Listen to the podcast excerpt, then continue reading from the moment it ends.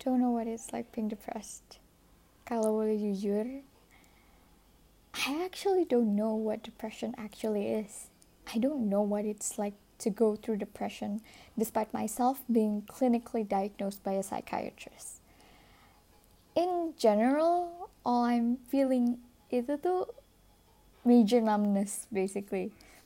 I'm not happy for the things I should be happy for, and I'm not sad for the things I should be sad for. Nothing is affecting me, and that in a way is sort of affecting me. Ngerti nggak? Beberapa bulan lalu enggak sih sampai sekarang gue itu lagi di titik terendah dalam hidup gue. Um, banyak kehilangan dan I don't know I feel lost at times. Sampai I feel like there's something in my brain which is trying to explode but is unable to. Dan kadang itu tuh gue bisa sampai I don't find anything interesting. I don't find people interesting and that is saying a lot considering gue itu orangnya sangat amat extrovert. On daily basis gue biasanya ngomong sama dua atau tiga orang yang gue percaya. Tapi itu pun sambat.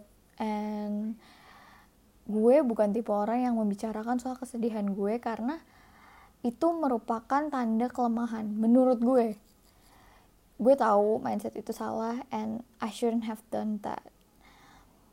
I have lost interest in things I used to admire kayak writing um,